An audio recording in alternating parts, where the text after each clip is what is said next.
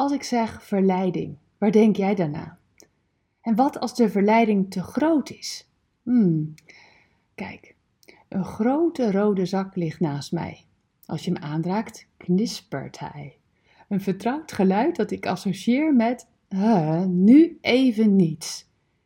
In die zak zitten willekeurige ronde schijfjes en als je erin bijt, proef je zout en kruiden. De bite is knapperig. En wat is het? Chips. Tja, de verleiding is groot voor mij. Zal ik? Nou, 2021 moet het jaar worden van gezond. Dat heb ik me voorgenomen. En waarom? Omdat ik graag energie wil hebben om Ik Wonder Jou elke dag te kunnen schrijven, de live sessies te kunnen doen, te schilderen en er te zijn voor mijn geliefde. Daarom, ik geef toe, deze verleiding van die chips is te overzien. Mijn leven staat of valt niet met het opentrekken van een zak chips, begrijp me goed. Maar toch, Hebreeën 12 vers 12. Wees dus flink en pak jezelf aan. Ik vind de Bijbel zo mooi, al die prachtige teksten.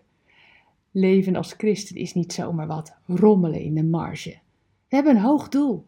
Dankzij Gods hoge doel voor ons en zijn overweldigende liefde. Verleidingen zullen er altijd zijn, zolang we hier op aarde leven.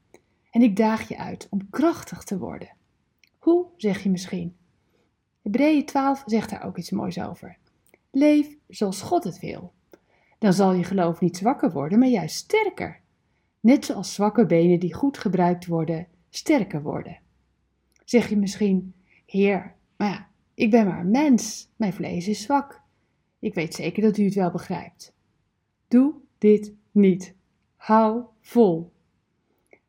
Jacobus 1 staat: Als je in de verleiding komt om verkeerde keuzes te maken, is het heerlijk voor jou als je toch voor het goede kiest en aan je geloof vasthoudt.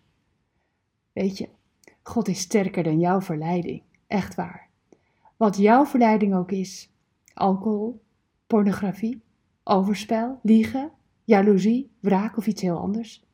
Breng het bij God en praat erover met andere christenen. God maakt het onmogelijke mogelijk, ook in jouw hart. En laten we er gelijk maar voor bidden samen. Heer, met u ben ik sterk. Uw liefde is mijn kracht. Amen. Bedankt voor het luisteren naar Ik Wonder Jou.